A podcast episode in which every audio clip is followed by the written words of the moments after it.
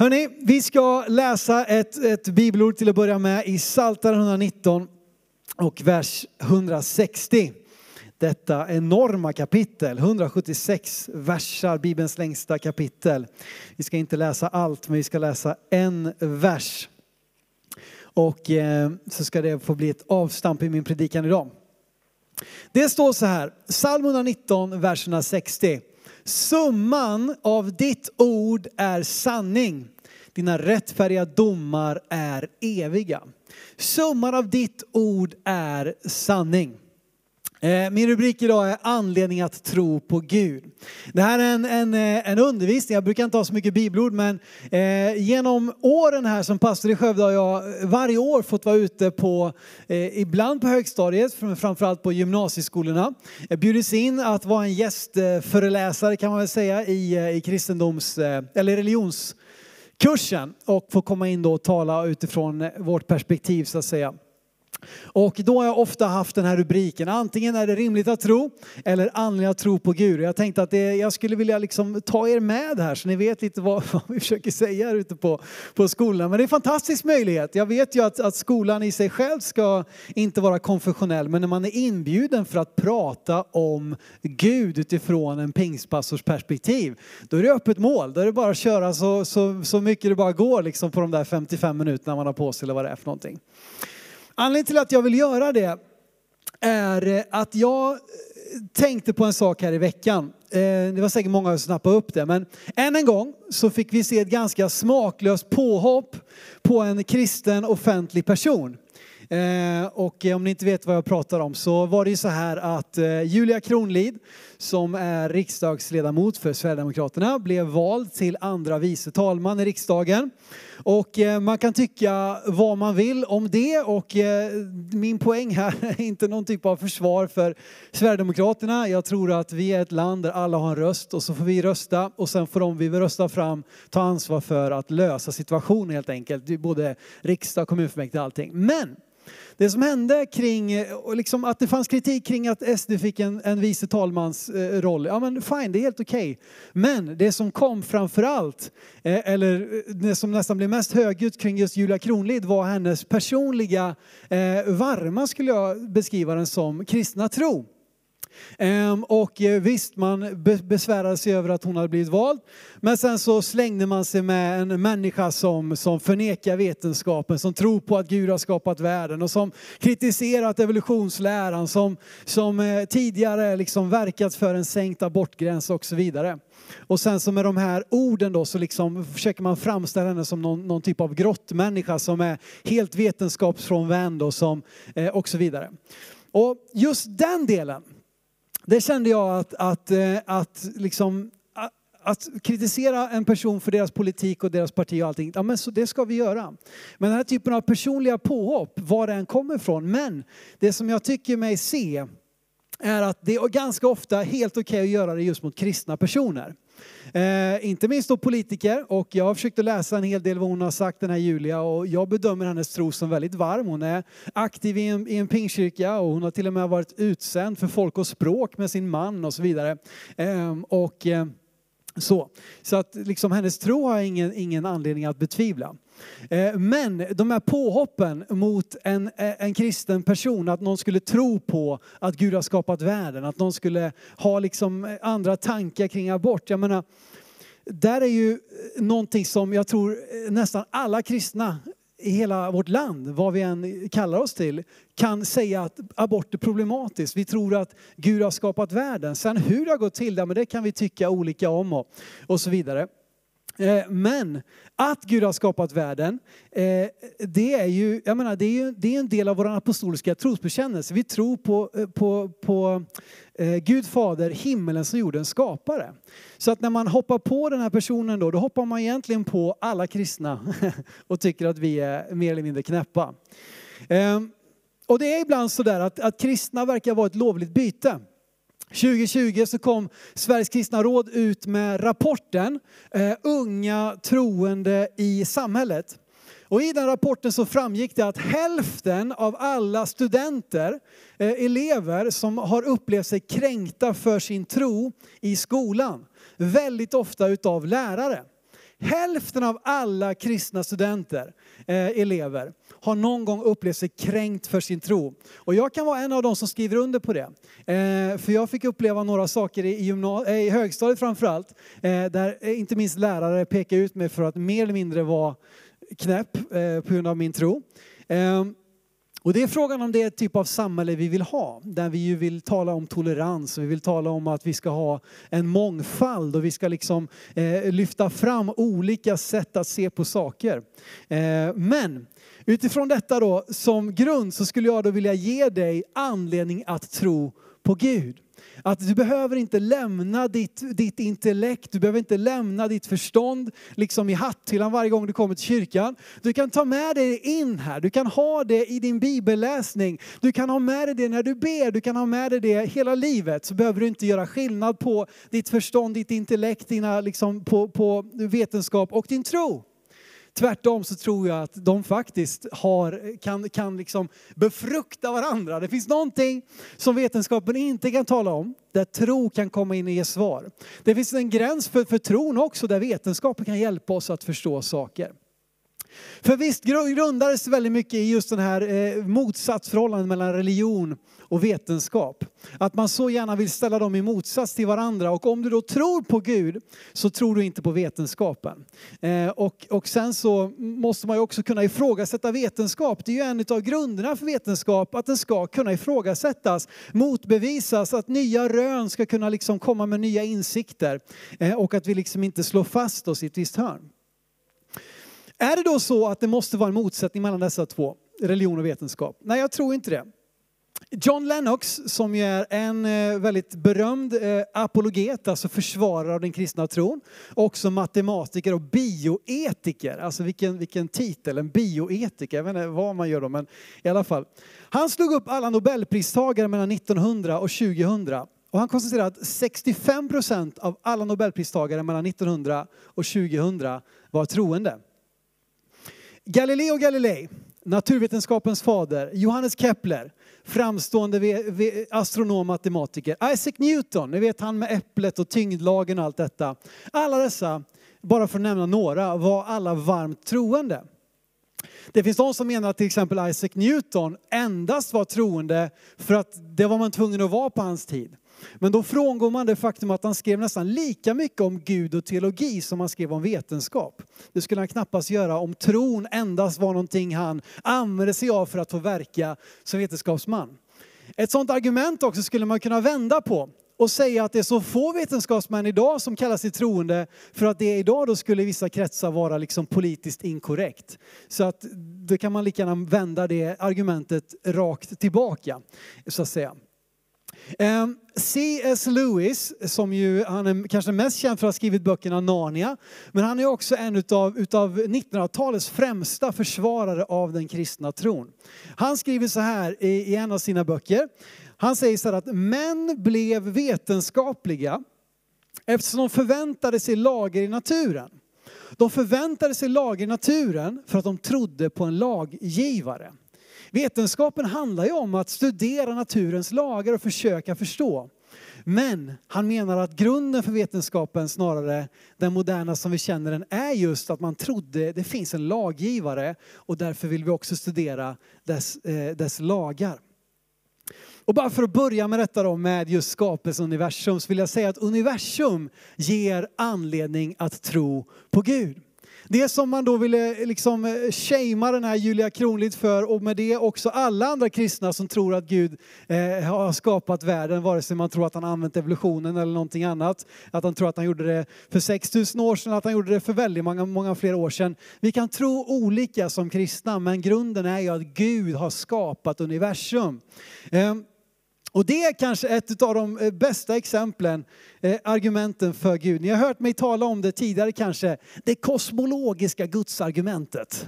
Eh, hur många vet vad det består utav? Ni kommer säkert känna igen det. Det består av tre delar. Det sägs här att allt som börjar existera har en orsak. Allt som börjar existera har en orsak. Universum har börjat existera, det andra påståendet. Tredje påståendet, alltså har universum en orsak. Allt som börjar existera har en orsak då, för, för det första. Då är det ju så att någonting kan inte komma ur ingenting. Det är ganska logiskt va? Någonting kan inte komma ur ingenting, för ingenting är ju ingenting. Så om det inte är någonting så kan det inte bli någonting. Alltså det är ju värre. Det är inte som att dra upp en kanin ur hatten utan det är ju att själva hatten och kaninen kommer från tomma intet. Det är ingen som tror att någonting som vi ser framför oss inte har en orsak. Om det står en, en du kommer hem en dag och så står det en, en varm kopp te hemma på, på, på bordet, så förstår du att det är någon som har ställt den där koppen där, det är någon som har värmt upp vattnet, det är någon som har förberett koppen. Det är liksom mänskligt förnuft. Om du tar upp din telefon som du har i fickan och tittar lite grann på den så kommer du ganska snabbt konstatera, det ligger väldigt många kloka människor bakom att jag har den här mobilen i min ficka. Därför att det finns så mycket komplexitet, det måste finnas en designer. Så att allt som, allt som börjar existera, allt som börjar existera har en orsak. Och då är den stora frågan, har universum börjat existera? Ja, det har det. Det har man inte alltid trott.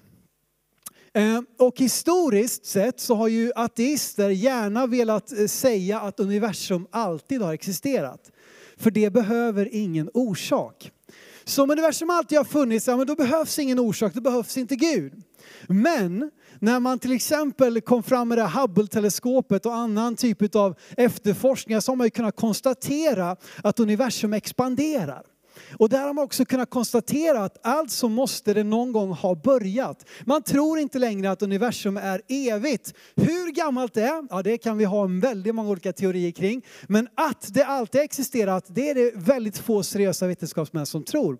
Alltså har universum börjat existera och det här är ett jätteproblem.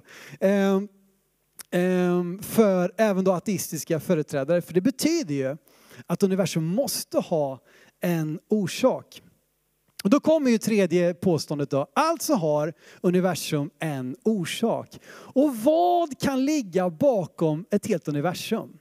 Alltså en varm kopp te på, på liksom köksbordet, det kan du ju ganska snabbt liksom misstänka eh, någon som bor i ditt hus kanske. Om du, om du bor ensam och kommer hem, och liksom, då, det kan, då kan vi börja snacka att vi har problem. Men har du någon annan i familjen som bor där hemma, då kan du börja gissa, okej okay, det kanske är min man eller min, min fru som har tänkt på mig och förberett en kopp te eller vad det nu är för någonting. Men någonting så, så komplicerat som universum, vad skulle det kunna vara som har påbörjat, orsakat universum? Ja, det måste vara någonting som själv inte är orsakat. Det måste vara någonting som själv är evigt. Det måste vara någonting som har en väldig makt också. Och det måste vara någonting som är personligt. Alltså du kan tänka att den där kopp te, eh, den där koppen te hemma, Ja men du förstår, det finns en personlig tanke, en personlig omsorg. Det var någon som var sugen på te, det var någon som brydde sig om mig och vet att jag gillar te när jag kommer hem från jobbet eller vad det nu är för någonting. Eh, men att någonting skulle skapa ett sånt här universum, det kan inte vara en opersonlig kraft. Det måste vara någonting personligt som då har också kraften och förmågan och någonting som själv inte är orsakat. Det låter ganska mycket som Gud tycker jag. Eh, och Richard Dawkins, en av de främsta förespråkarna för ateism, en av de starkaste religionskritikerna i vår tid. Han säger så här, lyssna på vad han säger nu och läs noga här nu. Han säger levande materia förmedlar en mäktig illusion av avsiktlig design. Biologi är studiet av komplexa ting som ger skenet av att ha blivit designade för ett syfte. Alltså han säger ju vad han säger, försöker säga något annat men han säger något, alltså han försöker säga att det inte finns ett syfte. Men han säger egentligen att det verkar som att det finns ett syfte. Och jag tror att det är Gud som ligger bakom det. Psalm 19, vers 2, låt oss läsa det. Psalm 19, vers 2. Det står, himlarna vittnar om Guds härlighet. Himlavalvet förkunnar hans händers verk. Så universum ger anledning att tro på Gud. Vet du någonting mer som ger dig anledning att tro på Gud? Rätt och fel ger anledning att tro på Gud. Det här är ett annat argument, det moraliska gudsargumentet. Det går ut på tre stycken premisser också. Om det finns, nummer ett, om det finns objektiva moraliska värden så finns Gud. Påstående nummer två, det finns objektiva moraliska värden. Påstående nummer tre, därför finns Gud. Och vad menar du med detta? Det verkar för lätt för att vara sant. Jo men nummer ett, om det finns objektiva moraliska värden så finns Gud. För det första måste vi kunna skilja på objektiva värden och subjektiva värden.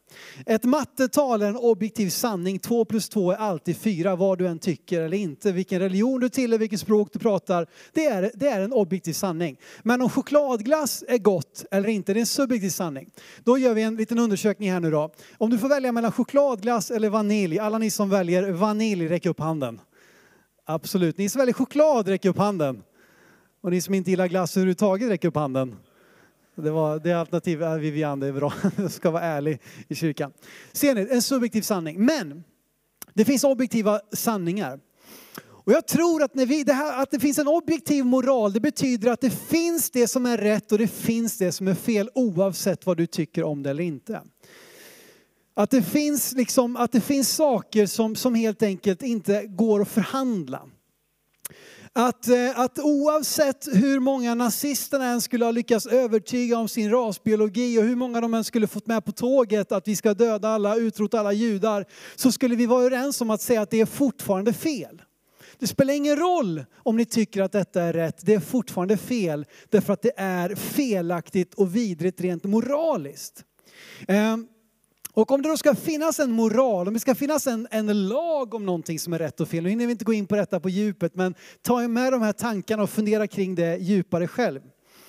Men då måste det finnas någon som sätter den moralen. Det måste finnas någon som bestämmer vad som är rätt och fel. Och det kan inte bara vara upp till dig och mig, för då skulle ju jag när jag föds här borta i Skövde och någon föds i, i ett annat land och någon föds i en annan tid, då skulle vi ju var och en kunna komma fram till att det här är rätt för mig och det här är rätt för dig. Det är en populär tanke idag, men jag tror att vi kan komma överens om att det finns saker där det finns en objektiv moral. Jag tror att det påståendet håller. Eh, och då är det så att vi konstaterar det att det finns objektiva moraliska värden, som sagt nummer två här då. Ehm, och, eh, och då kommer nummer tre av sig själv, därför finns Gud. Fundera gärna, som sagt vi hinner inte gå på djupet här nu. Zacharias han är bra på de här grejerna. Pressa gärna honom på de här frågorna efteråt. Men i alla fall, och nu vill jag läsa ett bibelord från Romarbrevet 2.14 där vi, där vi anar detta. Att det finns någonting, Gud har lagt ner någonting i varje människa. Det finns en moralisk kompass som vi genom den miljön vi lever upp i kan lära oss att döva, att tysta ner, att hålla tillbaka och, och liksom verka mot den moralen som vi vet är sann innerst inne. Eh, Eh, men ändå så finns det nedlagt i oss. Så här säger Paulus i Romarbrevet 2, vers 14 15. 15. När hedningar som inte har lagen av naturen gör vad lagen befaller. Då är de sin egen lag trots att de saknar lagen. Det visar att det som lagen kräver är skrivet i deras hjärtan. Om detta vittnar också deras samveten och tankar som sinsemellan anklagar eller till och med försvarar dem. Rätt och fel ger anledning att tro på Gud. Men hur ska man då kunna landa i att det ska vara just kristendomen, att det är Bibeln? Ja, men då vill jag komma till min nästa sak, nämligen att Bibeln ger anledning att tro på Gud. Gå gärna in nu, om du kan liksom ta de här första påståendena och landa i att det behöver finnas en Gud. Så gör gärna studiet då att fundera kring världens stora religioner. Och du kan ju göra, det var ju någon man här, eh, jag kommer inte ihåg vart han levde, men om det var, det var Ungern eller någonting sånt där. Han begärde att få bli taget, ta sitt passfoto med ett durkslag på huvudet. För han sa att det här är en del av min religion. Eh, han trodde på spagettimonstret, det var, det var någon sån där jättefånig grej. Men han ville liksom då hävda så att säga Eh, religionsfriheten och hans, hans rätt att tro på spagettimonstret. Och den rätten tycker jag att han ska ha. Han ska ha rätten att gå med ett durkslag på huvudet om han vill det. Men jag vet inte hur många anhängare han kommer få, jag vet inte hur länge den här tron kommer att överleva. Men gå gärna in och studera de olika religionerna, vad de har att erbjuda. Och studera då och ställ deras heliga skrifter i jämförelse med Bibeln. Eh, därför att Bibeln är helt unik i sitt slag när det kommer till alla antika texter. Du har säkert hört mig dra olika varianter för att tala om Bibelns trovärdighet, men jag vill ge dig två stycken starka argument för att Bibeln som text, som källa, helt och hållet sticker ut i jämförelse. Det första är evangeliets datering evangeliets datering, alltså dateringen på evangelierna som vi har, Matteus, Markus, Lukas, Johannes. Och betänk nu att det här, det här växer fram i en väldigt stor del analfabetisk kultur. Alltså det var väldigt många som inte kunde läsa och skriva. Alltså var det inte så att det första man tänkte var att skriva en insändare i tidningen, för det fanns inga tidningar. Det första man tänkte var inte heller att jag ska skriva det på min blogg, för det fanns ingen blogg, det fanns inte ens Instagram. Hur, hur levde man? Hur överlevde man? Ja, förmodligen var det det man gjorde, lite bättre än vad vi gör nu kanske. Men det var inte det mest, det, alltså det var, ett, det var ett, ett, ett, eh, ett brådskande budskap och eftersom att ingen kan läsa, eller få kan läsa och skriva så är det viktigare att vi predikar just nu än att vi skriver ner. Men tidigt insåg man att vi måste också skriva ner vad vi nu har predikat och vad vi nu har överfört. För snart så har tiden gått och generationerna går vidare. Och där då så är liksom eh, hela Nya Testamentet skrivs ju ner mellan 20 och 60 år efter att händelserna ägt rum. Och av de här nedskrivna texterna har vi över 5000 bevarade kopior, eh, originalkopior så att säga, av de här texterna. 5000 säger du, det låter inte så mycket. Jämför det med vilken annan antik text du vill så kommer du se att det är helt outstanding. Låt oss bara jämföra med en annan känd person, nämligen Julius Caesar som levde strax före Jesus. Så bara får du upp de här bilderna eh, framför dig. Julius Caesar levde ju som sagt strax före Jesus. Eh, om man tar hans bok då, Det galliska kriget, ni vet Asterix och Obelix, allt som händer uppe i Frankrike och så vidare. Den är ju fiktiva men det bygger på det galliska kriget. Den boken finns det 9 till 10 kopior bevarade av. De är daterade till 900 efter Kristus, alltså ungefär 1000 år efter att det hände har man daterat kopiorna. Jämför med Jesus Kristus, Nya Testamentet. Eh, där finns det över 5000 kopior bara på grekiska. Lägger vi till arameiska, lägger vi till latin, då får vi många, många fler. Men bara på grekiska som det skrevs på. Och de här är daterade till 50 till 300 efter Kristus. Redan på 300-talet har man hela Nya Testamentet komplett eh, bevarat. Eh, och de här 5000 kopiorna, de, de motsäger inte varandra. De stämmer så nära som på pricken. Det är bara obetyd, för, för budskapet obetydliga skillnader mellan de här kopiorna. Medan det, vad jag förstår, i de här texterna om Julius Caesar, de här 9-10, så finns det ganska stora skillnader i vad de kopiorna säger. Trots det är det väldigt få som ägnar sitt liv åt att bevisa att Julius Caesar inte har funnits, att han inte har gjort vad han har gjort och så vidare men desto fler som vill säga detsamma om Jesus. Så då kan du bara säga nej, nej, nej, nej, stopp ett tag. Du kan, du kan säga mycket om Jesus, men att han inte har levt, det, det, kan du liksom bara glömma. Att han inte skulle vara trovärdig, ja då får du sopa hela antika historien under mattan. Om du ska sopa liksom evangelien under mattan och så vidare. Läs gärna mer om detta också naturligtvis. Det är kul, Dick Harrison, en av våra mest populära historiker idag, han skrev nyligen en bok som heter bara Jesus, där han går in på trovärdigheten för Jesus. Väldigt intressant.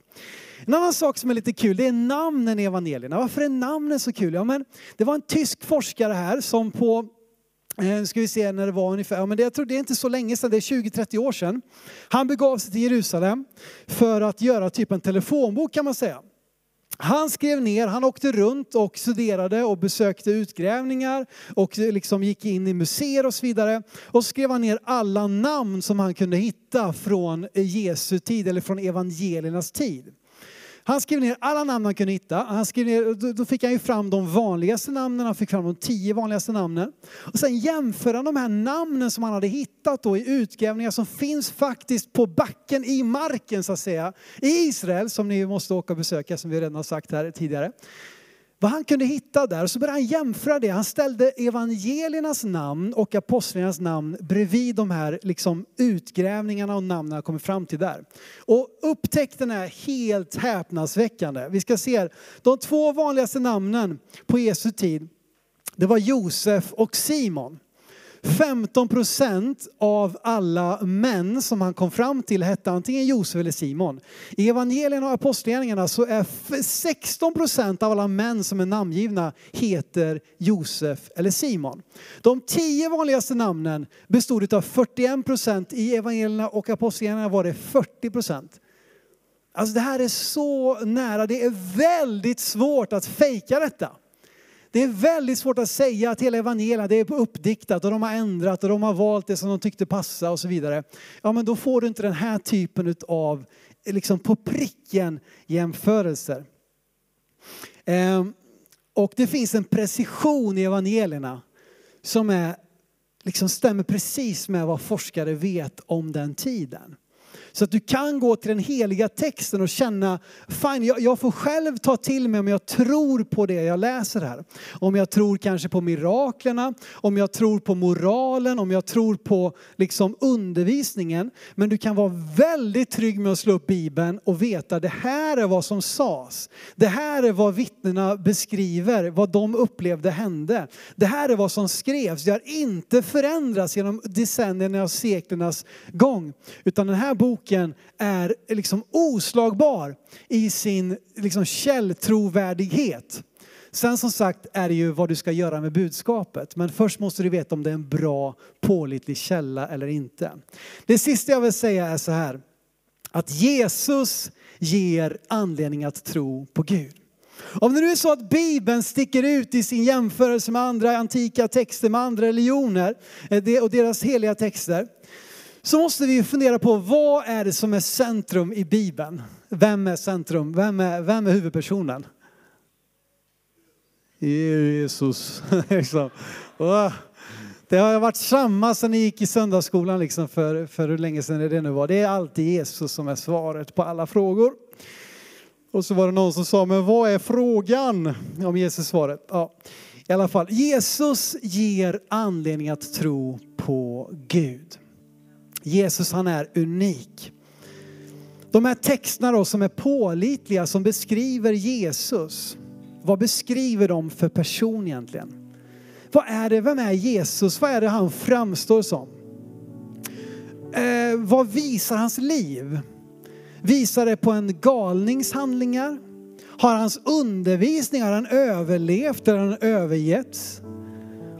Och så kan man ganska snabbt måla upp en bild där Jesus faktiskt också tycks vara helt unik i sitt slag. Ta bara det faktum att Gud, Bibelns Gud, blir människa. I de allra flesta religionerna är det vi som ska göra vårt bästa för att upp, komma fram till en nästan ouppnåelig Gud. Att vi genom våra offer och vad vi kan åstadkomma ska blidka så att inte gudarna eller guden blir arg på oss. Men i kristendomen så kommer Gud ner och blir människa, föds som en av oss för att kunna ta straffet på sig istället för att utkräva straffet av var och en. Jesu lära är helt unik. Hela det västerländska samhället bygger på Jesu undervisning och exempel mycket av det som dyker upp, olika, jag vet inte hur många av er som kommer och känner igen om jag säger saker som Lunarstorm och MySpace och liksom, du vet sådana här flugor som dyker upp och man tycker wow, alla använder det. Det här är det nya, det här är det senaste. Hela världen har detta, hela världen använder detta. Jag måste också göra det. Det är alltså gamla sociala medieplattformar som idag känns, ja Lunarstorm finns nog inte, MySpace än och någon liten snäv liten sån grupp som använder fortfarande. Mm. Men Jesu lära och undervisning den har överlevt. Den har överlevt i mer än 2000 år, eller den överlevt 2000 år och känns mer aktuell än någonsin. Hans handlingar, vad gjorde han? Han gjorde mirakler. Han gjorde vatten till, till vin, han gjorde blinda så att de fick sin syn. Han mötte barn. Han mötte kvinnor. Han mötte utstötta i samhället. Han gick till de äldre, till de utstötta, till, till män och kvinnor, till barn och till hedningar. Han gick till dem allihopa. Han var unik i sitt sätt att handla och agera. Han älskade dem som ingen annan älskade. Hans karaktär då? Kunde man sätta dit honom? Hade han liksom ett lik i garderoben? Hade man någonting? Vad fick man fram för smuts på honom? När du vet, de, de skriftlärda de försökte i tre års tid att hitta någonting att anklaga honom för. Men till sist var de tvungna att betala vittnen som bar fram falska vittnesmål så att de till slut kunde få honom korsfäst på korset, dömd till döden genom Pontus Pilatus. Hans nära vänner som var med honom dag och natt i tre år kallar honom syndfri. Jag undrar vad de människorna som har varit i mitt liv dag och natt, vad de skulle kunna berätta om mig. Men Jesus hittade de inget fel på. Och de var villiga till och med ge sina liv för att hålla fast vid det. Åter till C.S. Lewis, han säger så här. Kristendomen är en ståndpunkt som om den är osann är fullständigt oviktig. Om den däremot är sann är den av allra största betydelse. Det enda som den inte kan vara är medelmåttigt betydelsefull. Du kan inte, det är väldigt lätt idag att säga, men jag gillar Jesus, jag tycker han sa en del schyssta grejer och sådär, men jag tror inte att han var Guds son. Ja, men hur kan du lyssna på någon som säger ena sidan att, du, att han är Guds son och andra sidan att du ska göra gott mot dina fiender? Om han säger att han är Guds son och inte är det, så är han ju antingen en, en mytoman eller en psykopat, eller så är han det. Det finns inga alternativ. Antingen så ljög Jesus och visste exakt vad han höll på med.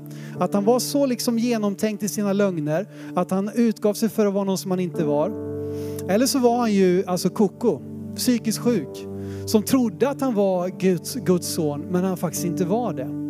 Eller så var han den han sa sig vara, Guds son, världens frälsare, världens ljus. Det är de tre alternativen du har. Du får själv välja vilket utav det du vill välja. Ska vi stå upp tillsammans? Och så vill jag läsa till slut. Johannes 5, vers 39 till 40. Jag hoppas att jag har gett dig anledning idag att tro på Gud. Men oavsett hur mycket vi studerar, hur mycket vi letar, hur mycket vi begrundar och det här är olika viktigt för olika människor. Någon tycker, jag, det spelar ingen roll, jag har mött Jesus, jag, jag älskar det här. Jag liksom, han, har fått, han hade mig redan vid hello, liksom. jag behöver inget mer. Men jag vet också att det finns, det finns människor som det är väldigt viktigt för att kunna komma med konkreta bevis, att kunna gå till botten med argument, att kunna studera källor. vill jag säga till dig, du behöver inte komma med i kyrkan och lämna ditt intellekt, lämna tron på sann vetenskap. Jag tror att sann vetenskap pekar på Gud.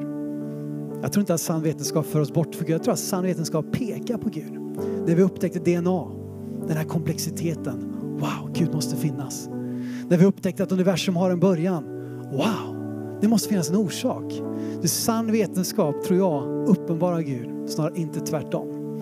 Jag vill läsa Johannes 5, 39 och 40 för till sist så kommer det till vad vi gör med sonen, vad vi gör med mannen, vad vi gör med Jesus Kristus. Det står så här, ni forskar i skrifterna för ni tror att ni har evigt liv i dem. Det är just de som vittnar om mig. Men ni vill inte komma till mig för att få liv. Vi ska forska, vi ska undersöka. Men till sist så hittar vi svaren i Jesus Kristus.